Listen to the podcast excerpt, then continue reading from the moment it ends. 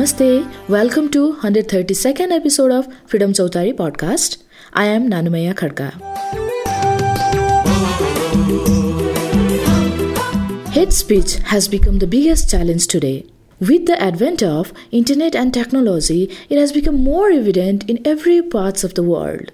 Moreover, among other digital platforms, social media has become an easy platform to spread hate speech due to its availability and accessibility. United Nations defines hate speech as offensive discourse targeting a group or an individual based on inherent characteristics such as race, religion, or gender, and that may threaten social peace. So, in this context, UN has brought Uniting Against Hate podcast series. The podcast deals with what is hate speech, how does it undermine human rights, and who is responsible to combat it. In Nepal, too, there are rising cases of hate speech these days. So, it is highly relevant and very useful knowledge resource for us as well. Hence, we are rebroadcasting episode 5 of the Uniting Against Hate podcast entitled Is Hate Speech on the Rise? through the Freedom Chautari podcast. In this episode, Katie Dartford at UN talks to Tendayi Achiume, the outgoing UN Special Rapporteur on Contemporary Forms of Racism, and Jaroslav Valuch, the project manager for fact checking and news literacy at Prague based media development organization Transitions.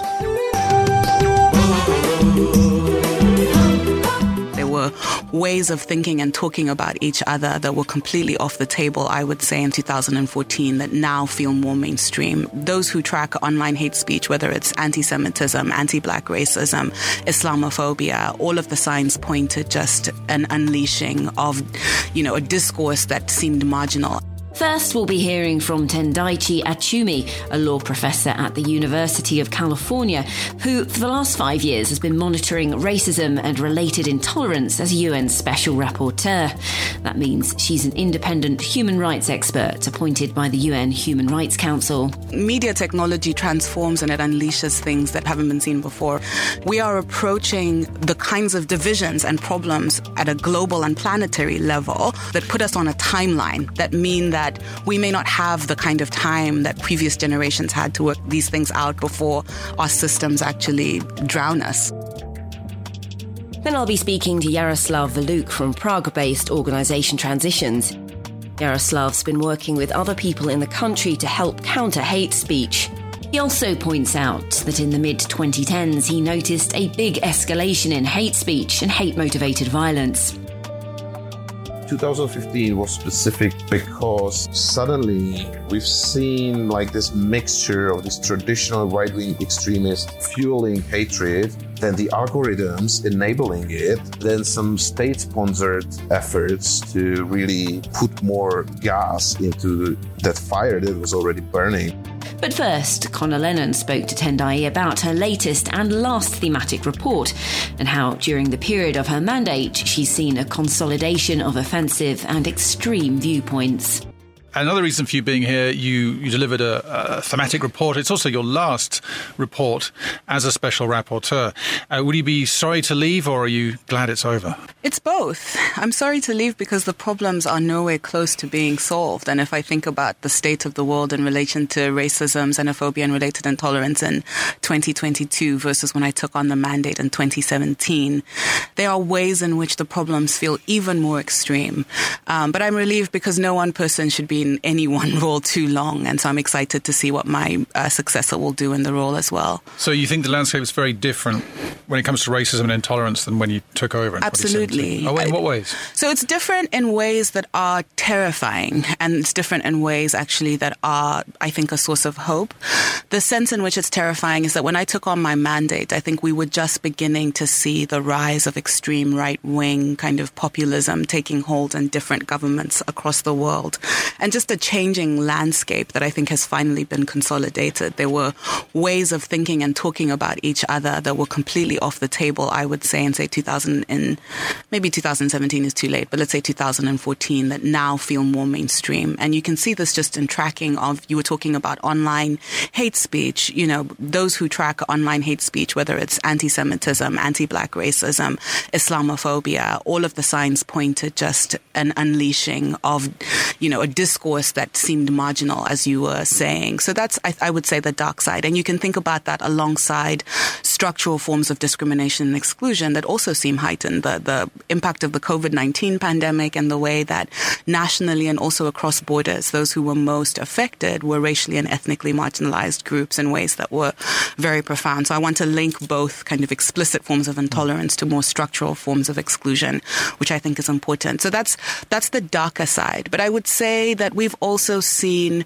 profound positive mobilizations. And I, I point now to 2020 when following the murder of George Floyd, there was just triggered in the US and then across the world, I would say, a very powerful popular mobilization in support of racial justice, which I think was the first time we've seen that in the world. Even when we think about anti-apartheid demonstrations, they were never quite as big and as transformative as they are. So, so that to me is hopeful. I think we're seeing mobilizations for equality and justice that weren't on the table before. Right, and the optimists would say that the the worrying signs you're talking about for example, uh, people openly talking about being being Nazis or openly mm-hmm. talking about it being extreme right wing. But these are the last vestiges of uh, a reaction to mm-hmm. a world that is actually moving in the right direction. Mm-hmm. That's what the optimists would say. Do you think that's correct? I think that they're onto something, but I don't think it's a foregone conclusion. And I think this is what's both terrifying and exciting. I think that history definitely shapes where we're going, but it doesn't determine it. And I, and I think what we're seeing is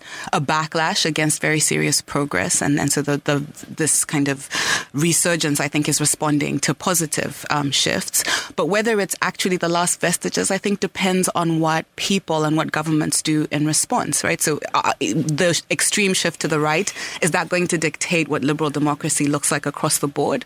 Or will there be a concerted rejection that says this has to be the last vestiges? I don't think it's a given that it will just die out for natural reasons. And I think looking at the social media context is a really good lens um, for this. And so when we think about the rise of online hate speech and we think about conversations there, in my role as special rapporteur, a lot of the times people want to talk about content moderation. So what should be allowed on these platforms without paying close attention to the political economy of these social media platforms. Like what's profitable? And turns out hate speech is profitable. And I've written a report on this, a number of reports actually on, on kind of these social media platforms and how division drives clicks. Absolutely. And so if what we're interested in is a different approach, we have to rethink the political economy and the business models. But very often those aren't considered kind of anti-racism conversations. The, the, we get stuck on how are we going to moderate content rather than thinking about who and how ownership of, of these spaces is maintained and who kind of benefits and who loses from the dynamics. Because in a way, this isn't new, is it? I mean, we've had hate speech for many years, many decades. Radio used to be the big disseminator of hate speech that drove that drove genocide, as we know, mm-hmm. and then there was a reaction to that. We, do you think we're just in an early stage of learning how to to navigate this this mm-hmm. still fairly new medium, social media. Yes. So we are in an early stage, and you're right to say that tech, media technology transforms and it unleashes things that haven't seen haven't been seen before, right? If you think about Benedict Anderson's book Imagine Communities, where he talks about the role of just newspapers and what the advent of newspapers did for the meaning of the nation state. You mentioned radios. Now we're looking at tech. So for sure, this is a new technology. We don't know where it's going to go, but I think it's happening at a time where our ability to keep up with and track the different forces that are unleashed, again, can't be taken for granted.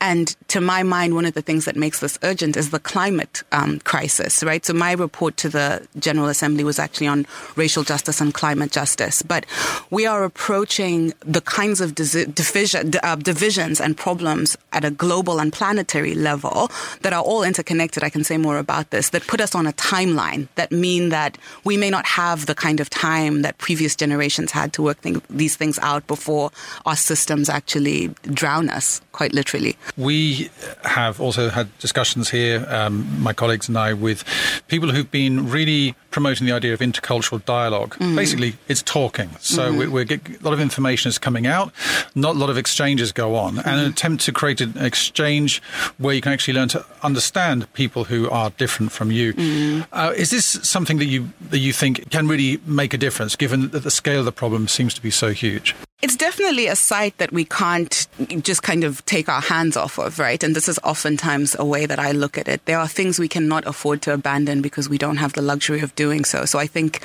the kind of dialogue that you're describing isn't going to solve the problem, but without it, the problem will be worse. So it's absolutely urgent that we continue to think about creating spaces for people who have different opinions to connect. But if you think about what actually shapes the way we view each other, it's not just those dialogues. It's what we see on TV. It's what we're listening listening to on, in, in music. It's what we're seeing on social media. It's like the, the ways in which our worlds are formed are really complex. And I think the inter, the, the dialogues that you're describing have to be, be positioned side by side with all of the other ways our worlds and our relationships are sort of constructed. It has to be multifaceted, multi-layered, and that can't be the only site of intervention.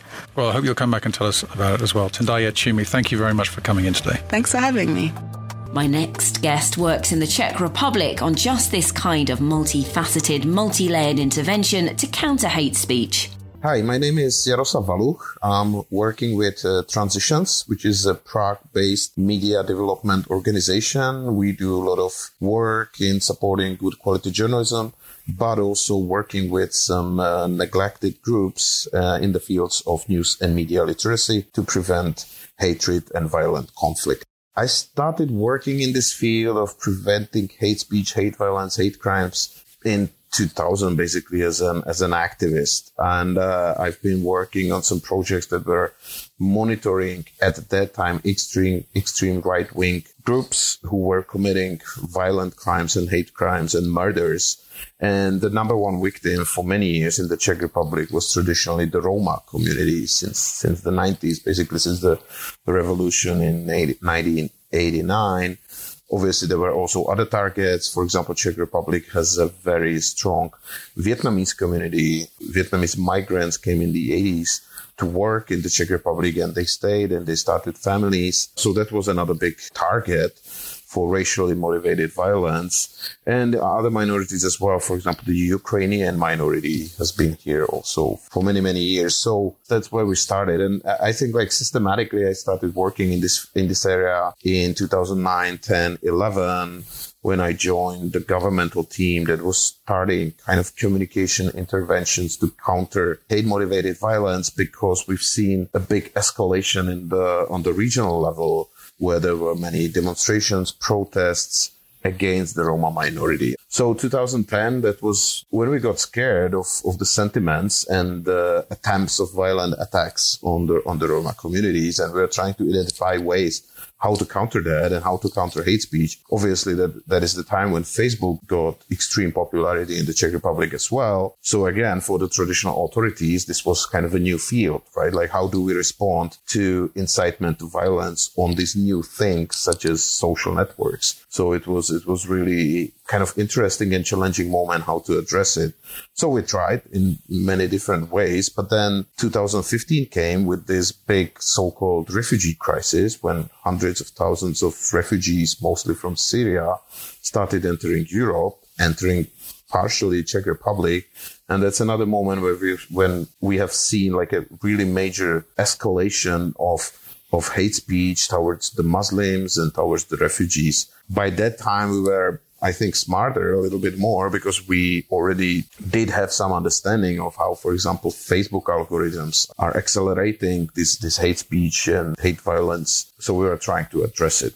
2015 was already specific because some other new phenomena stepped in, which is uh, Russian sponsored disinformation and the so-called fake news phenomena. So suddenly you know, we've seen like this mixture of this traditional right wing extremists fueling hatred, then the algorithms enabling it, and then some state sponsored efforts to really put more gas into that fire that was already burning, but just like really trying to fan it into much bigger proportions. So 2015 was important milestone.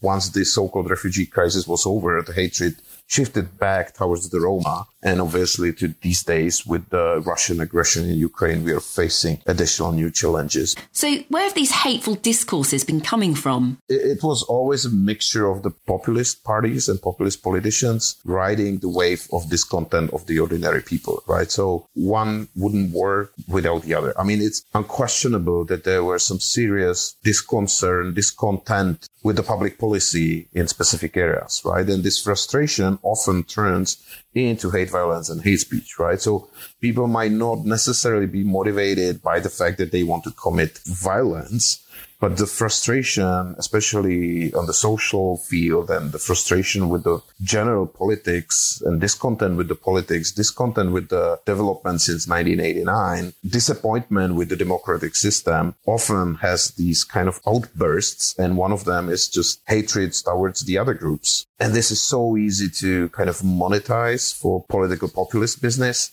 or for business in general, right? Like generating disinformation websites, spreading hatred, clickbaiting, rage baiting the hatred, then monetizing it into, into a political or financial income. So it's, it's both ways, but obviously these sentiments in the society are very exploitable and there are many skillful actors who know how to do that. I see. Okay. So can you tell me a bit more about how your organization's trying to counter this? Right. So when I mentioned 2015, I mean, it was really kind of a major shock for, for many actors when people were thinking about like, how, what do we do with this huge polarization and violent radicalization in our communities and in our society?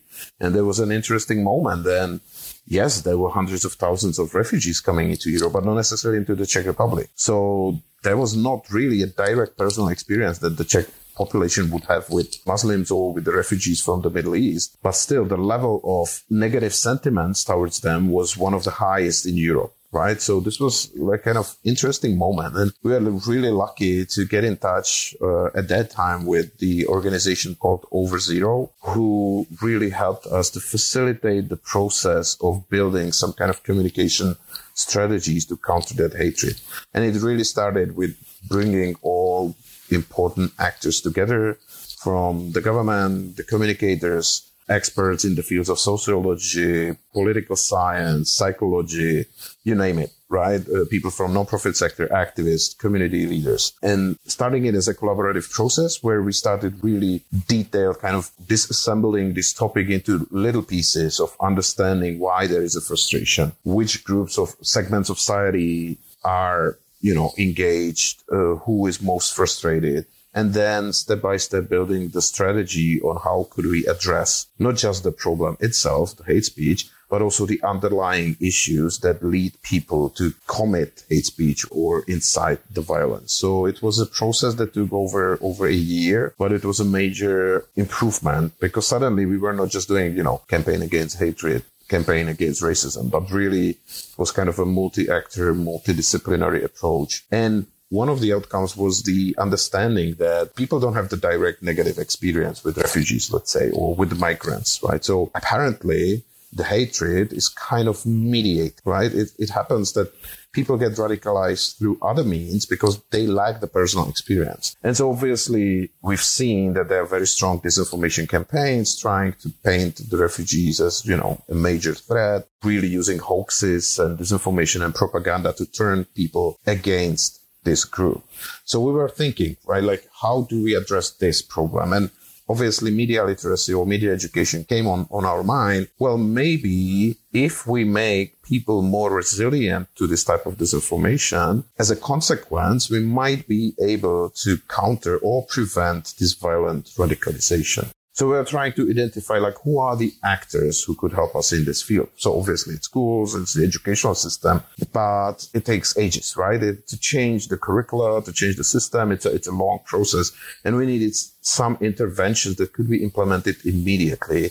And in the Czech Republic, we are blessed enough that we have the most dense network of public libraries, right? So there is a public library in almost every single village, right? It's a, it's a great thing. And the librarians are a very active network who are trying to identify their role not just as the bookkeepers, basically, but also as kind of ecosystem guides for the local communities. So this was really a good match that that we thought like, okay, maybe we can, we, we need to go to the very local level and we should be addressing also groups that we normally don't address, groups that are underserved by these uh, fact checking initiatives or debunking initiatives, right?